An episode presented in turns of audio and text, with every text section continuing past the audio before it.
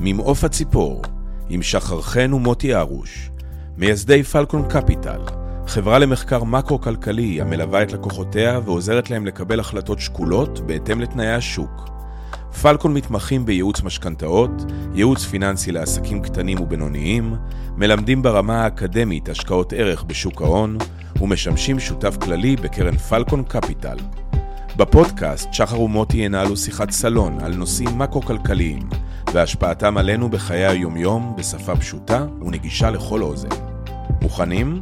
קדימה מתחילים.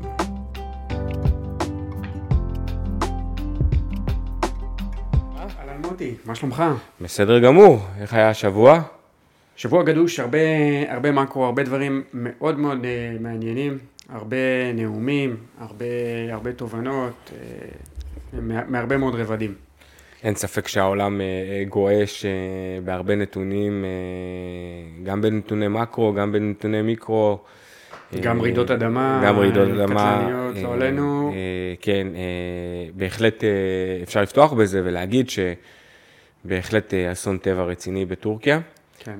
גם לו- בסוריה, יש שתי לו מדינות. משמעויות, משמעויות פיסקליות מרחיקות לכת. זה שתי מדינות שייקח, או שוב, טורקיה מדינה ענקית, ייקח שנים לשקם שם את מה שקורה.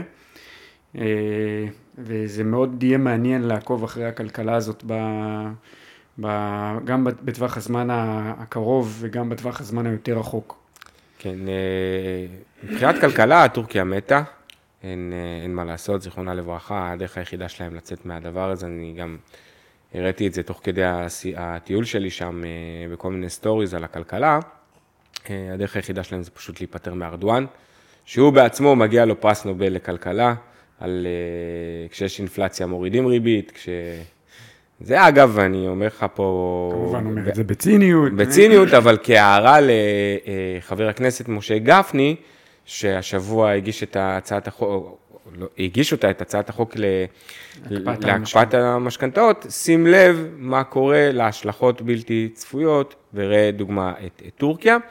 מה שכן, יש סרטון ש, אה, של ילד אה, סורי שקרע לי את הלב, היה 45 שעות אה, מתחת להריסות, וכזה חילצו אותו ונותנים לו כזה מים רק עם כן, הפקק. של הבקבוק.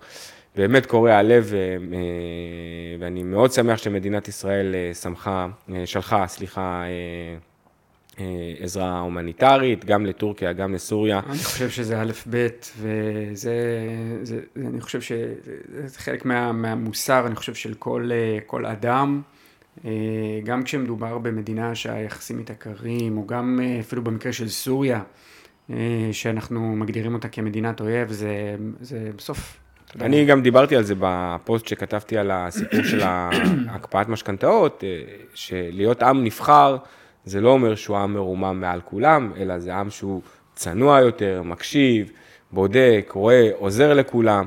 זה המשמעות של אה, להיות עם נבחר, שגם עוד חיברתי את זה, לה, אם אין לנו משאבי טבע של נפט, אולי יש לנו קצת גז, אבל יש לנו את המשאב, אה, לא יודע אם הוא, הוא לא טבע, אבל יש לנו את המשאב הגדול ביותר, שזה טכנולוגיה, שזה שווה הרבה יותר מהכל, ולכן רובו נמצא אצלנו, בגלל ההיסטוריה שלנו, וזה אומר להיות עם נבחר, לעזור לעולם אה, להתקדם קדימה. אה, נתחיל? כן, רק אני אמליץ לכל מי שלא קרא את האיגרת שמוטי כתב אה, לשר גפני, שיעבור על הדברים אה, ויראה את התפיסה שלנו. אני לא בטוח הזה. שהוא שר, אני חושב שהוא רק חבר כנסת. אוקיי, סליחה. יושב ראש ועדת הכספים, הוא לא יכול. להיות שר, נכון, כי הוא לא נכון, יכול נכון, להישבע על כל מיני עניינים אה, זה שלו. אבל בואו נתחיל עם מה שאנחנו פותחים כל שבוע, כן. הכדור בדולח שלנו, מה שנקרא, כן. עקום התשואות. עקום תשואות אה, של האג"ח הממשלתי בארצות הברית, אז הייתה לנו בשבוע שעבר את אה, חזת הריבית, אה, עוד שבועיים יהיה מתוך ה-FOMC, אה, ו, אה, ולמעשה מה שאנחנו רואים כצפוי, העלאה של, ראינו בעצם העלאה של 25 נקודות בסיס, אנחנו דיברנו על זה עוד בשבוע שעבר, ואנחנו רואים איך התשואות לפדיון של שוק הכסף, של האג"חים, בעלי המח"מ הקצר, איך הם עולים בצורה משמעותית. וזה למעשה מיישר את, ה, את הדברים יחד עם השקפה שדיברנו עליה בתחילת הדרך שלנו בפודקאסט של higher for longer. כלומר, ברור שהריבית הגבוהה, הריבית המרסנת, תישאר ליותר זמן, במיוחד בארצות הברית, כדי להילחם באינפלציה. אנחנו יותר מאוחר ניגע בנתון התעסוקה, אבל רואים גם אותו ורואים איך הייתה התוספת של המשרות למשק האמריקאי, 517 אלף משרות, הפד מסתכל על הדבר הזה, די אה, אה, בוא נגיד אה, חושש, חושש ממנו, חושש מהעלייה בהכנסה הפנויה וממשיך עם הקצב המשמעותי של העלאות הריבית. מנגד, שוק החוב במח"מ ארוך, אני מדבר על המח"מ של שלוש שנים והלאה, בתחילת השבוע ראינו עלייה בתשואות לפדיון, מחירי האג"ח ירדו, אבל אה, פתאום אנחנו רואים בחלק השני של השבוע ש, אה, אה, שהמגמות בארוכים, באג"חים הארוכים, מתחילות לחזור לכמו שהיה לפני, כלומר למגמת הניתוק, שהטווח הקצר מנותק מהטווח הארוך. שוק האג"ח הארוך רואה מיתון, שוק, שוק האג"ח הקצר רואה, רואה למעשה את הסיפור של הריסון. אם אנחנו מדברים על, ה, על התמונה הכללית, אז כמו שאנחנו רואים אותה בשוק האג"ח, שוק האג"ח כבר כן מתחיל לתמחר צמיחה כלכלית בטווח הארוך, אבל מדיניות שהיא עדיין מרסנת, higher for longer, אה, אה, באג"חים, באג"חים הקצרים יותר. אנחנו ניגע בהמשך הפרק, ב, כמו שאמרת, בשוק התעסוקה ובמה זה אומר שוק, שוק תעסוקה הדוק, והאם באמת יש עלייה בהכנסה הפנויה או לא, איזה משרות נפתחות בהשוואה למה שאנשים עבדו, אבל זה בהמשך. בהחלט יש, זה אה, כמה פרקים שאנחנו מדברים על הדיסוננס בעצם בין שוק החוב לפד. כן. אז הבנו מה שוק החוב אומר, מה הפד אומר, מה אנחנו יודעים להבין מהמאזן של הפד, כי הפד ממשיך בצמצום המוניטרי שלו. כן. גם זה... בצמצום מוניטרי וגם בהעלאת ריבית, שזה אז, היי נוח אותה פעולה. אז הפד, שוב, אפשר, אני לא אעבור פה על כל משפט שפאוול אמר ב, אה, במסיבת העיתונאים, ו, אה, ויש גם, השאלות ששאלו אותו הן שאלות חשובות, ו, אה, ו, ובסופו של דבר אנחנו, אם אני מסכם את זה רגע למילה אחת, אז המדיניות היא ניצית, המדיניות היא מאוד מאוד מרסנת. אנחנו רואים בשבוע שחלף פעימה במאזן הפד של אה, הפחתה של 38 מיליארד דולר אה, מהמאזן, זה משמעותי, ראינו בשבוע שלפני כן 16 מיליארד דולר, אה, גם כן משמעותי, המאזן יורד בקצב שהוא מאוד מאוד מרסן, ואתה יודע, אפילו חושבים, אולי, אולי שווה להעלות את יעד האינפלציה ל, אפילו לשלושה אחוזים, אבל לא, הפד נחוש להשיב אותו לשני אחוז ופועל במלוא העוצמה, מה שנקרא. יפה. אז ראינו את זה גם בעצם בשבוע שעבר, אני חושב שפתחנו אה, עם, אה, בעצם עם אה, הדברים של ג'רום פאוול על מהו תפקיד הבנק המרכזי, והוא אכן מאוד מאוד מאוד מאוד נחוש. הבנו מה קורה אז בעקום התשואות, הבנו מה הפד עושה, מה קורה בשוק האג"ח הקונצרני. שוק האג"ח הקונצרני, כמו, ב, כמו בשבוע שעבר וכמו לפני שבועיים ויותר מכך, אנחנו בוחנים את המרווח אה, של התשואות אל מול האג"ח הממשלתי, אתה בעצם רואה שהמרווח, אה, אה, המרווח פשוט, פשוט קטן, אתה רואה ירידה, ב, ירידה בתשואות באג"ח הממשלתי, כלומר משברי הנזילות לא הגיעו בכלל לפתחן של, לפתחן של החברות הציבוריות.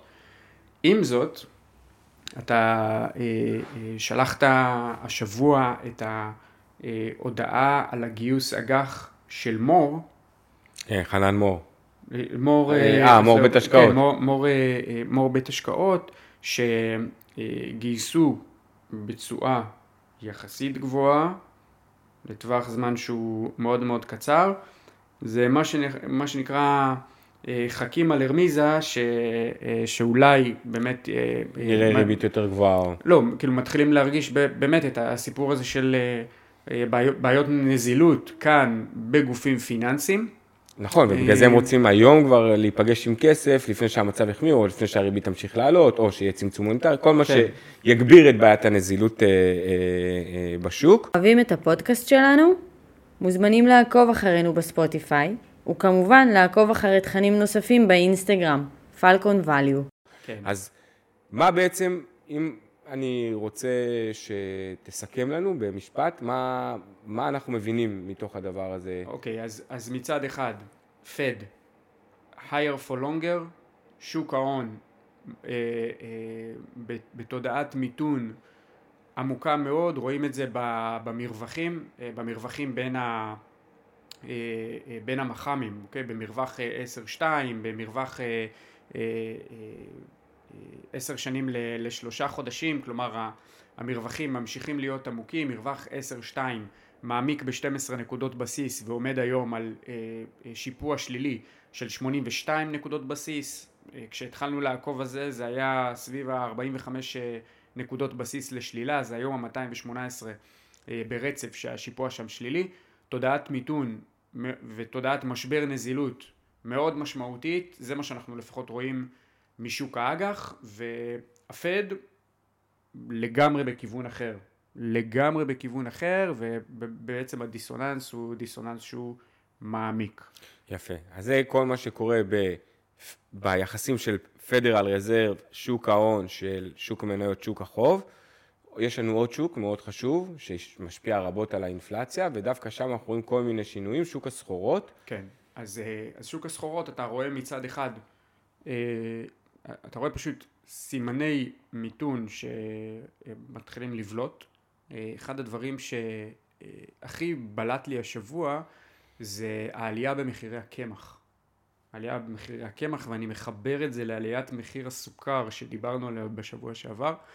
אה, אנחנו רואים אה, עלייה במחירי הקמחים רק השבוע ב-4.3 אחוזים והעלייה החודשית עומדת על אה, 11.4 אחוזים, זה מצטרף ל- לעליית מחיר הסוכר של אזורי ה-6 אחוזים ויותר אה, מהשבוע, אה, מהשבוע שעבר, זה צד אחד.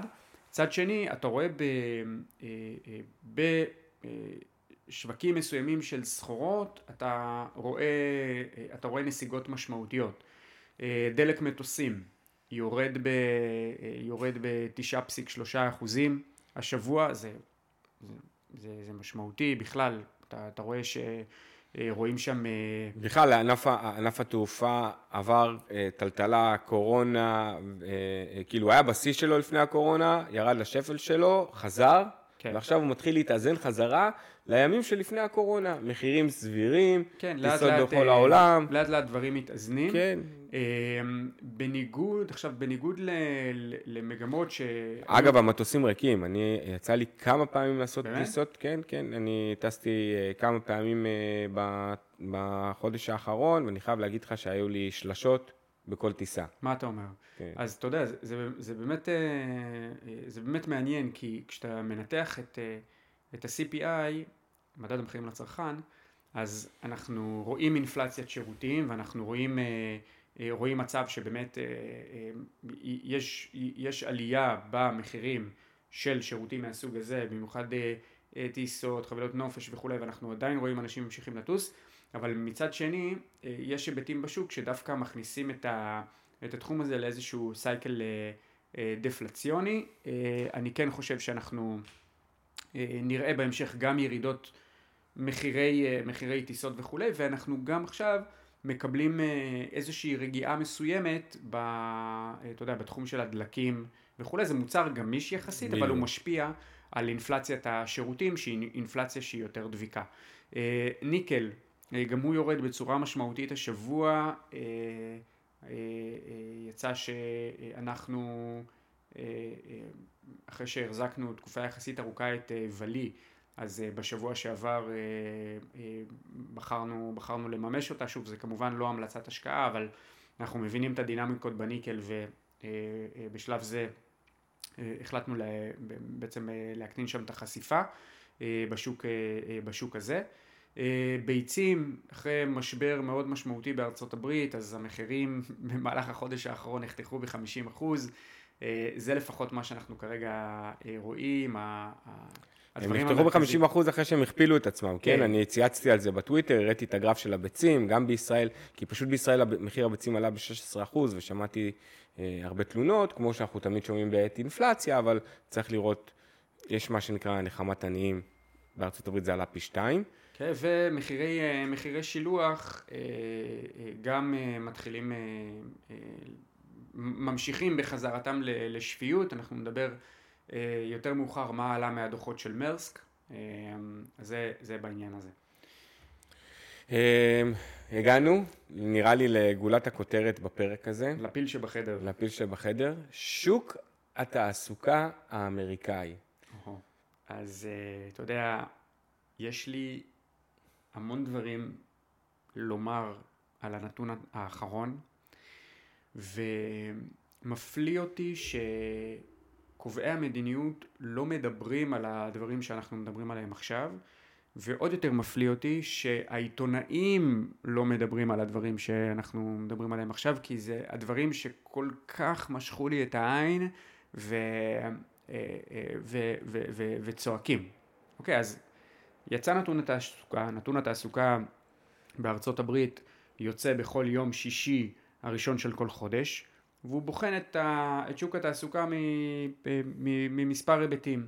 אחד, מספר המועסקים באופן כללי, והוא יורד אחר כך לענפים וכמה התווספו וכמה נגרעו משוק התעסוקה, הוא מסווג את המובטלים אה, לס- לסוגים שונים של אבטלה.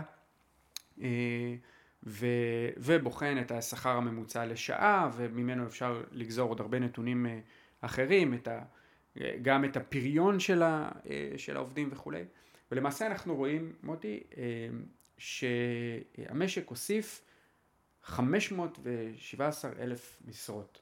זו כמות שהיא כמות משמעותית, כלומר ראינו נתון דומה רק ביולי, אה, של ה... רק ביולי של השנה שעברה, ואנחנו כל הזמן בודקים.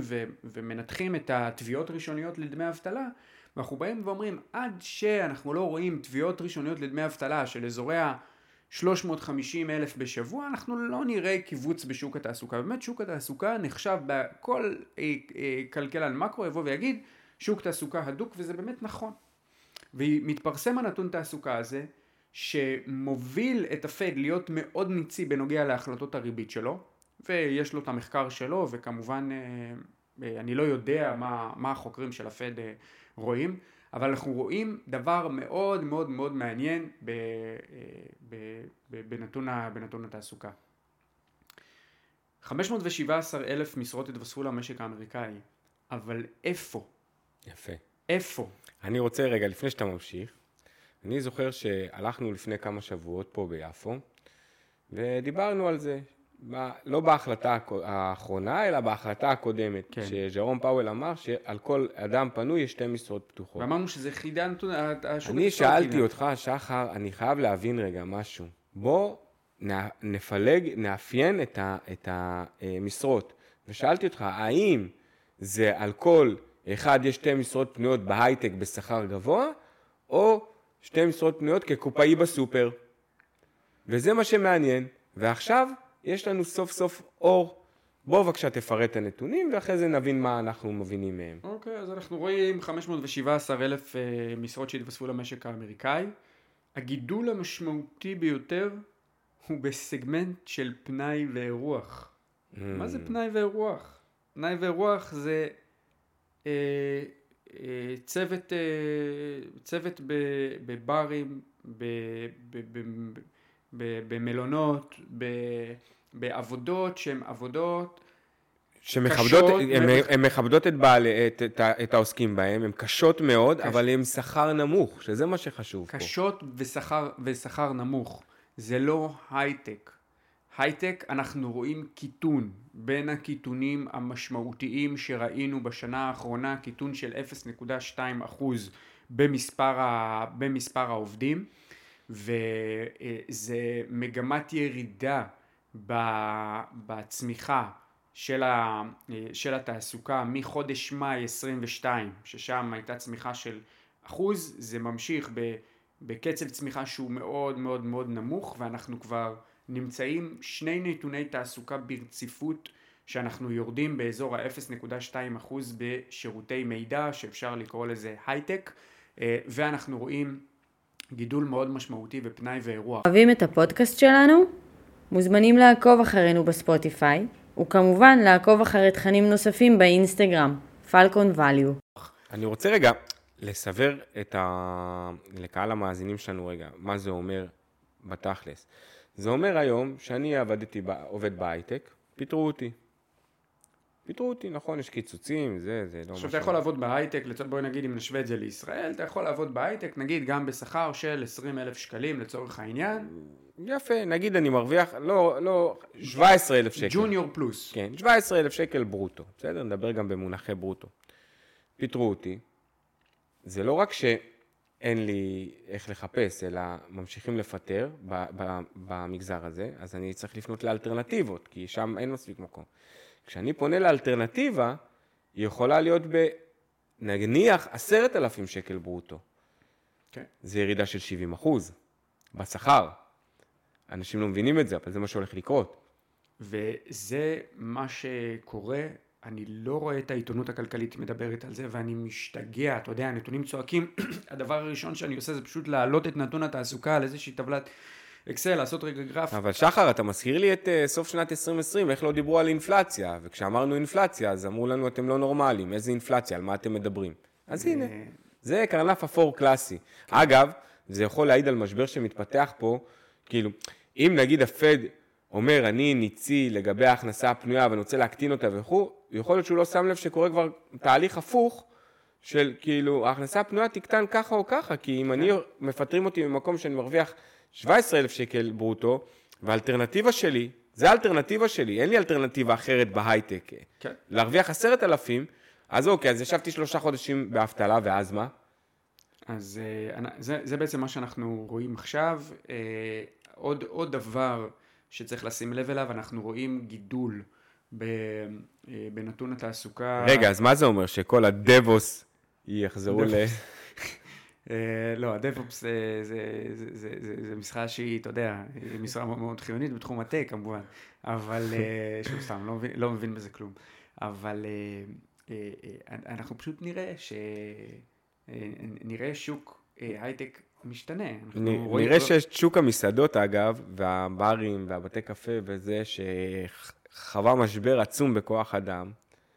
אנחנו נראה אנשים חוזרים לעבוד שם. כן, חוזרים כן. לעבוד, ופתאום המסעדנים שהיו חנוקים עם עובדים ולא מצאו את הידיים והרגליים שלהם בשלוש שנים האחרונות, הם אולי ירגישו קצת עדנה שפתאום אה, אה, פחות הברזות, פתאום אה, יותר, יותר היצע של, של עובדים. אז, אז זה, באמת, זה באמת מעניין. בואו נראה. עוד, עוד נקודה מאוד מאוד חשובה, זה מה קורה במשרות הממשלתיות. רואים גם גידול של 0.3 אבל צריך להבין שזה הרבה לאור החזרה משביתה שהייתה אה, אה, במשרות הממשלתיות בארצות הברית. קצת קשה לי שלא מדברים על זה, אבל אה, זה, זה, זה, זה הנתונים. יש לנו גם איזו התבטאות של לארי סאמרס השבוע, שמי שלא מכיר, הוא היה שר אוצר בממשל קלינטון. כן. אמ, שהוא אז... אומר שהפד יכול לבצע soft landing. כן, בגלל שוק התעסוקה החזק, הוא אומר שהתנאים מבחינתו, הוא, הוא, היה לו איזה התבטאות, הוא, הוא כלכלן מאוד מאוד מאוד אה, מוערך. אה, הוא, הוא, הוא, הוא זיהה הרבה מאוד תהליכים בתחילת, ה, בתחילת הדרך שלהם. בהתחלה הוא, הוא לפני כמה שבועות התבטא על כך שהוא אה, מאוד מאוד חלוק, האם אנחנו בשלים ל soft landing או אם אנחנו הולכים ל hard landing, אה, אבל הוא יצא בהתבטאות בשבוע שעבר שהוא אומר שהתנאים מבחינתו בשלים לנחיתה רכה, אבל אה, הוא הזהיר במקביל שזו טעות מאוד גדולה לחשוב שהכלכלה מבריאה, הוא אמר זו טעות לחשוב שהכלכלה is out of wood. שיצא ממשבר, אז זה, זה לפחות מה שאנחנו רואים שם. אה, עוד התבטאויות אה, אה, שהיו, זה נשיאת הפד של סן פרנסיסקו אמרה שרוב הוועדה המוניטרית מצביעה על אזורי ריבית של ממוצעת של 5.1 אחוז ואז היא ככה גם הצליחה לתת לנו איזשהו אופק. לאן, ה, אה, לאן הריבית הולכת. אופק גם שהיה ידוע מראש, הריבית צריכה אולי- להגיע, הריבית בסופו של יום צריכה להגיע לנקודה אחת, שהיא שווה לאינפלציה. כן. זהו, אין דרך שווה אחרת. לאינפלציה, האינפלציה שלה לא הנתון של מדד המחירים לצרכן, מה שכל הזמן בכותרות, אלא האינפלציה שהפד מודד זה ה-PCE, Personal Consumption Expenditures.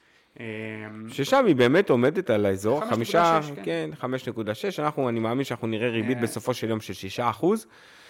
אה, זה בכל הנוגע לשוק התעסוקה והריביות ולאן אה, מצבנו.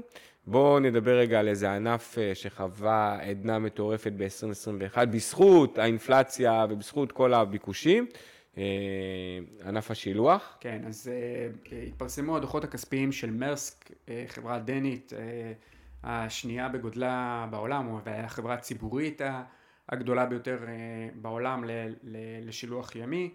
Uh, הם באים ואומרים שמהדאטה שלהם, הם רואים שהסחר הסחר העולמי uh, מתכווץ, מתכווץ באזורי ה-2% במהלך שנת אה, 2023, זה בהשוואה לרמות שלפני הקורונה, כלומר הם בודקים את זה על אה, רמות של אה, אה, 2019.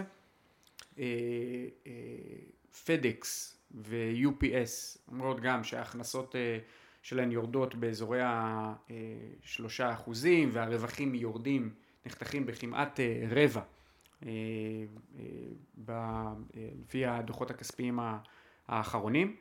אה, מספר החבילות יורד, גם אה, מרסק באה ואומרת שגם גם, גם, גם התעריפים יורדים בצורה מסוימת, אבל יותר מכך הקיבולת, אה, אה, הקיבולת, אה, הקיב- אה, סליחה, לא הקיבולת, אלא התפוקה שלה מבחינת מכולות. צריך לזכור גם שכל התחזיות האלה נאמרות, אה, אני לא יודע כמה הם מתחשבים בזה, כאילו הם מאוד חווים את מה שהם חוו עכשיו בשנה האחרונה, ואני מזכיר לכולם שבשנה האחרונה יש מדינה במזרח, גדולה כזאתי, לא יותר מדי, כן.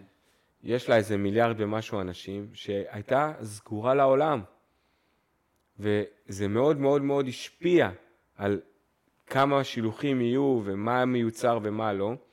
אנחנו רואים גם התנגשות יוצאת דופן בין המערב למזרח עכשיו, בטח בכל מה שקשור לשבבים, ודיברנו על זה. אני חושב שבהיבט השילוח, זה שוב, זה ענף מאוד פלואידי, וצריך להמשיך לעקוב שם, לראות מה הפתיחה, אנחנו כל הזמן, אנחנו כבר איזה כמה פרקים, שלושה, ארבעה פרקים ברצף, זה, זה כמעט חודש מדברים רגע על הפתיחה המחודשת של סין. אנחנו נראה אה, אה, השפעה על הדבר הזה, אני מאמין בחודש, חודשיים הקרובים.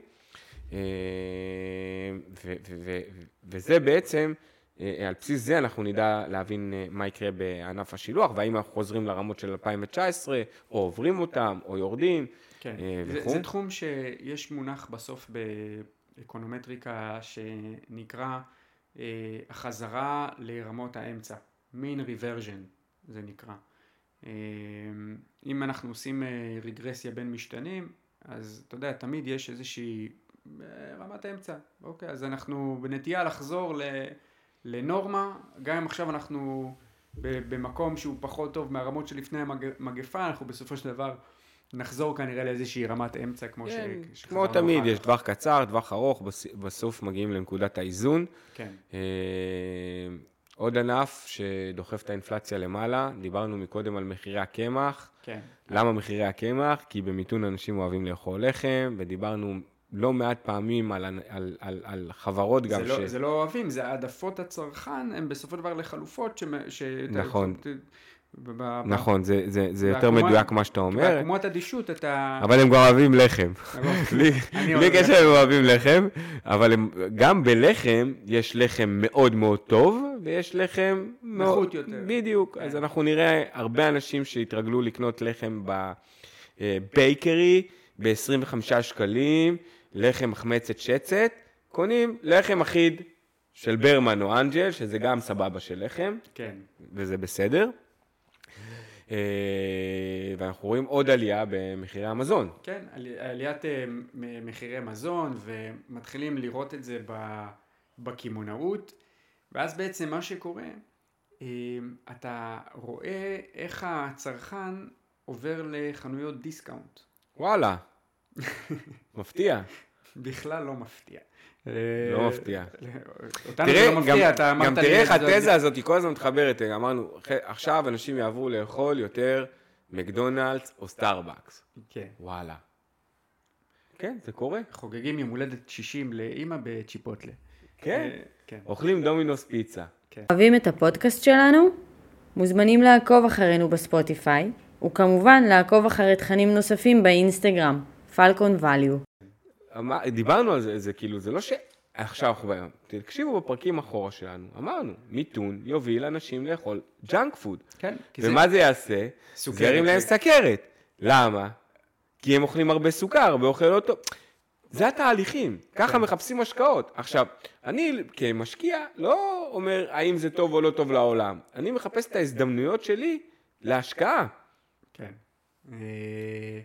זה, זה כן, לא, לא, צריך, צריך פשוט אה, לחשוב על ההיגיון שבדברים ועל התהליך ומה מוביל למה, ואתה כל הזמן אומר לי, אה, משפט שאני מאוד מתחבר אליו, אה, אנשים לא ישנו את ההתנהגויות שלהם, אוקיי? אולי מוצרים משתנים, דברים משתנים, אבל ההתנהגות בסוף לא, לא משתנה.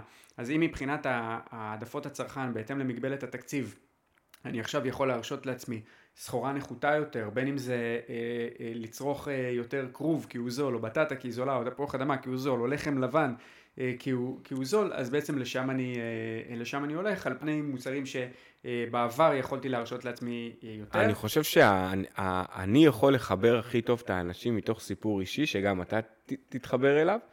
זה, תחשבו, מי שהיה לוחם או עשה שבוע סדאות, לכו לשבוע סדאות, למצב שאתם הכי רעבים בעולם, הכי רעבים, ואומרים לכם, קחו קבנוס ושוקולד. ומבחינתכם זה מעדן, כן. זה הדבר הכי טעים שבעולם. בגלל זה אני אומר לך שאנשים לא ישנו התנהגויות, בסופו של יום צריך לאכול. כן, עכשיו, אפשר לאכול גם פעם אחת ביום, גם בסדאות אתה אוכל פעם אחת ביום. נכון. אבל אתה לא אוכל אוכל הכי בריא שבעולם, אתה אוכל לחם אחיד, עם קבנוס, עם שוקולד. ומעל טונה. כן. אתה יכול גם לתת נגיעה של ריבה.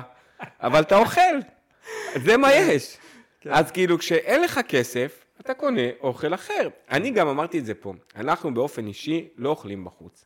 לא מטעמי אה, כלכלה, אלא מטעמי בריאות. עכשיו, ב- כמובן שמבחינה כלכלית זה חוסך לי המון. כן. חוסך לי המון. אני לא מזמין בוולט, אני לא יודע איך האפליקציה הזאת נראית.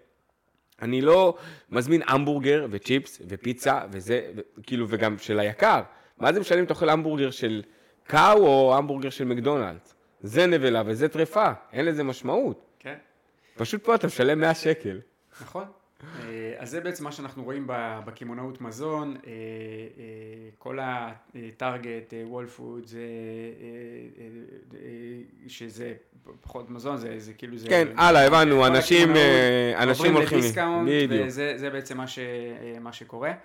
אה, עוד אה, נתון שהוא אה, אה, מאוד מאוד... אה, זה כמו שאנשים עוברים בטור... בישראלים שנוסעים טורקיה, עוברים לדיסקאונט בלבוש, קונים לך את כל הזה אצל עבדאללה חמאלה. זה כן. אותו רעיון, אחי. אבל יש לי, זה מה שחשוב, יש לי, הנה-. הנה המותג, יש. מדהים. יופי. אה, דבר, אה, דבר הבא, התפרסם אה, סקר נותני אשראי של הפדרל, של הפדרל רזרב, אחד המסמכים שאני יותר אוהב לקרוא, הוא מסמך חודשי, ואני ככה אה, כל חודש מחכה לראות מה, מה קורה שם.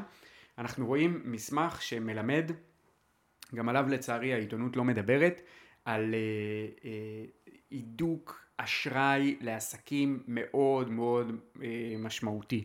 רואים את זה בהקשחת סטנדרטים, בחיתום שהוא הרבה יותר נוקשה, בקובננטים, התניות פיננסיות שהן הרבה יותר אה, אה, אה, נוקשות, הידוק למח"מ החוב שמקצרים אותו לעסקים, רואים את זה במיוחד בהלוואות מסחריות והלוואות לתעשייה וגם בהלוואות לנדל"ן. אני זוכר, שחר, לפני, נראה לי שבועיים זה היה, שאמרתי לך שאני הלכתי ודיברתי עם עסקים, זה מה שמעניין אותי. לא מחכה לנתונים. ומה, אני דיברתי עם עשרות עסקים, ומה הטענה המרכזית שעלתה, שגם את זה אמרנו כבר לפני שהמסמך הזה התפרסם, זה ההידוק בקבלת אשראי. כן. למה? כי הנרקומנים האלה, שמימנו את הטיסות שלהם לחו"ל מהעסק, מהלוואות. פתאום מבינים שהם היו צריכים את זה רק לקאפקס. כן. ועכשיו זה פתאום יקר מדי, או שלא נותנים לך בכלל, כי לא סומכים עליך יותר. ו... וכן, חבר'ה, המערכת הפיננסית, בעיקר הבנקאית, היא לא עמותה ללא מטרות רווח. היא נותנת לך כסף במטרה שתחזיר לה את הכסף, זה עסק שהדבר ריבית. היחיד, היחיד שהוא צריך לעשות, זה לשרת את בעלי המניות שלו. אה, זה, זה, בשביל זה הוא קיים, בשביל זה קיימים עסקים, לשרת את בעלי המניות, אה, אה, ו, ו, ואני לא, לא מצפה לשום, לשום דבר אחר. הידוק תנאים, אנחנו, שוב, זה מפתיע אותי קצת שאנחנו עוד לא רואים את זה בשוק האג"ח הקונצרני, אבל אני מניח שבמוקדם ובמאוחר אנחנו נראה שזה מגיע גם לשוק האג"ח הקונצרני וגם ל... למחוזות אחרים בשוק ההון. אז אה, אה, זה בעצם מה שאנחנו אה, רואים אה, בעניין, בעניין הזה. לקראת סיום שחר, אה, ניגע במה שיכול בעצם לתת לנו תמונה קצת יותר גדולה ולסכם את כל הדברים שדיברנו עליהם, אה, שוק האג"ח, שוק המניות, עליית ריבית, חוב, דולר וכו', מאזן הסחר של ארה"ב קובע שיא בגירעון. כן, מאזן הסחר של ארה"ב קובע שיא, בגירעון שלו, אה, הגדול, הגדול ביותר, זה למעשה אה, על רקע ההיחלשות בביקוש העולמי, אז ארה"ב מייצאת פחות, אה, ולמעשה היבוא עולה על הייצוא באזורי ה-947 מיליארד דולר, זה גידול של 12% בהשוואה לשנת 2021. אה, ו, ו, ו, ולמעשה אה, זה, זה מצב שהוא הוא, הוא, הוא פחות טוב, אוקיי? הוא פחות טוב, ל, אה, פחות טוב למשק האמריקאי. כמובן שאם, ה, במידה ואנחנו באמת נראה אה, אה, שהעלאות הריבית ממשיכות, זה משהו שבאיזשהו מקום מן הסתם ירסן את זה ויעלה את ערך הדולר כך שזה גם יצטמצם. אה, אבל זו תמונה שאנחנו כרגע רואים אה, אה, על, על המשק האמריקאי. הנושא האחרון שלנו זה התפוח אדמה הכי לוהט בשבועות האחרונים בישראל, ואנחנו גם אמרנו בפרקים הקודמים שאנחנו מעדיפים לא להתייחס כרגע כי אנחנו עוד לומדים את הנושא. אז יש לנו קצת תובנות מקצת למידה שעשינו לאחרונה, אנחנו עדיין, שוב, אין לנו דעה אם נכון או לא נכון, אבל אנחנו רוצים להתנהג כאנשי מקצוע, אה, ובעצם, לפני שאנחנו נדבר על הרפורמה המשפטית, או אנחנו לא רוצים, אנחנו גם לא תופסים פוזיציה, אם נכון או לא נכון, אבל בואו נדבר מה צריך, כי אנחנו שומעים המון המון דיבורים על זה שיהיה פה אסון. כן. קודם כל, אני רוצה להגיד שמהבחינה הזאת שיהיה פה אסון, כאילו על בסיס זה, זה עניין של מה שנקרא נבואה שמגשימה את עצמה, וזה יצירת הסנטימנט שבעצם גורם לכל העולם לדבר, כי כרגע אין פה שום אסון. כן. סנטימנט זה יותר, לפעמים יותר חשוב מנתונים. נכון. עכשיו, יכול להיות שיהיה פה אסון ויכול להיות שלא, אני לא יודע, אני גם לא נכנס לזה כרגע. אבל מה אנחנו כן צריכים כדי שנוכל למדוד האם יש פה אסון או לא? מה, מה, מה צריך כדי לספק תשתית טובה לצמיחה כלכלית? זהו, אז כשמדברים על צמיחה כלכלית, אה, שמתחילים את זה בבתי ספר לכלכלה ו, ואומרים איזה תשתית מדינה בעצם אה, צריכה כדי באמת לייצר צמיחה שהיא, אה, שהיא יציבה. אני כרגע לא, אתה יודע, לא מנתח את המשאבים ש, של המדינה, כי לא, לא, לא כל מדינה שווה, אבל כן אפשר לעשות שוויון. בתכונות ש, ש, של מדינות שהן יכולות לספק צמיחה ברת קיימא. קודם כל זה חיסכון, עידוד ה- ה- ה- הציבור אה, לחסוך ועידוד של העולם לבצע השקעות במדינה. אה, זה מה שיוצר זמינות של הון, אוקיי, הון שהוא פנוי להשקעות, הון שהוא פנוי לקאפקס ובאמת אפשר לייצר מזה אה, הרבה דברים יפים. אה, דבר נוסף זה שוק הון שהוא שוק הון מפותח עם, אה, אה, עם, עם צמיחה של מתווכים פיננסיים. אה, אה, חברות ברוקראז', בנקאי השקעות, חברות ביטוח, אה, בנקים, בנקים יציבים, אוקיי? זה המתווכים פיננסיים. יציבות פוליטית, יציבות שלטונית, שלטון חוק וזכויות קניין. זה, זה משהו שהוא בכל textbook כלכלי כתנאי הכרחי לצמיחה. אני רוצה להגיד פה משהו לגבי זכויות קניין. אני ממליץ לכל מי שמקשיב לנו ללכת ולבדוק נתון מאוד פשוט, שהוא מאוד מעניין, אני נחשפתי אליו אה, בשבועות האחרונים והוא מאוד מעניין אותי, ובגלל זה אני עוד מנסה להבין מה דעתי על הרפורמה, זה שרוב החברות רושמות שבמקרה ויש איזה עניין משפטי שצריך לקרות, אני מדבר על חברות ההייטק, אתה יודע איפה בתי המשפט? הרוב של רוב החברות? כן. זה הרבה פעמים בוחרים בדלוור. או ניו יורק. יורק. למה לא בישראל אגב? למה לא? כי ישראל נחשבת כמדינה שלא עומדים בה בהסכמים, ושבתי המשפט לא, לא פוסקים בצורה אה, די... אה, לא, לא strict, כן. לא מחמירה בהקשר בדיוק. של כיבוד ההסכם. אז נראה לי שאנחנו כאילו, אני לא יודע איפה אנחנו באמת נמצאים ומה קורה עם בתי המשפט וכו', וזה, שוב, אני גם אומר כל דבר פה בזהירות וכדי להבין, ואנחנו, ואני באופן אישי עוד לומד את זה. כן, אני, אני, זה קשה נורא אבל לתפוס. תשימו לב לנתון הזה, זה מעיד, כאילו, כל החברות הייטק שאומרות, אנחנו מוציאים מפה את הכסף, כאילו, א', די עם זה, כאילו, די לאיים על, על, על, על מה אתם מאיימים? על עצמכם? כאילו, כן. זה נזק שקורה לעצמנו, עכשיו אנחנו קוברים את עצמנו. זה כמו שבן אדם אומר, טוב, אני לא עושה מילואים יותר. מי אתה בכלל? סלח לי על, ה... על לא, המילה, זה- סלח לי, אבל כאילו, אפס. מי אתה שלא תעשה מילואים? כאילו, זה, זה כאילו, זה, זה, זה, זה, זה, זה, זה דבר, כאילו, עכשיו אתה מוציא מטח מהמדינה של עצמך. כאילו, זה, זה, זה, זה דבר נורא. אני, יש לי שאלה אחרת. מה אתה מוציא מטח? אתה מוציא מטח כי אתה חושש שיהיה פה נורא? בסדר, יכול להיות שזה יקרה. אבל למה קבעת מראש שלא בית המשפט יהיה פה? זהו, זו שאלה, עם, זה, זה משפט עם סימן שאלה שצריך אה, לחשוב עליו. אנחנו פשוט חייבים לסיים, כן, אז, אה, בואו ניגע רגע בשלושה כן. דברים האחרונים. אז אמרנו יציבות פוליטית, שלטון חוק וזכויות קניין, השקעה בהון אנושי, שמדובר בהשקעה בהשכלה והשקעה במערכות בריאות, כל המשבר שקורה עכשיו בבריטניה, אה, אז, אז זה משהו שהוא מאוד מאוד דומה, למשל שיעור ההוצאות של ישראל על בריאות ותשתיות הוא מצטמק מאוד, בשנתיים האחרונות למשל התוצר בישראל הוא גדל, אבל אה, אה, היקף הכסף שהולך להשקעות אזרחיות והשקעות בבריאות הוא פחת בצורה משמעותית בהשוואה ל-OECD. אה, מערכות מיסוי ומערכות רגולציה וסחר חופשי והיעדר מגבלות על העברת הון. אז זה בגדול התנאים ההכרחיים ליצירת צמיחה ואני מקווה שקובעי המדיניות יאזינו לחלק הזה בפודקאסט כדי אה, לעודד את, ה, לעודד את הדבר הזה. תודה רבה, שחר. עוד פרק מטורף, כאילו, של נתונים וחשיבה ו... וכל מה שצריך.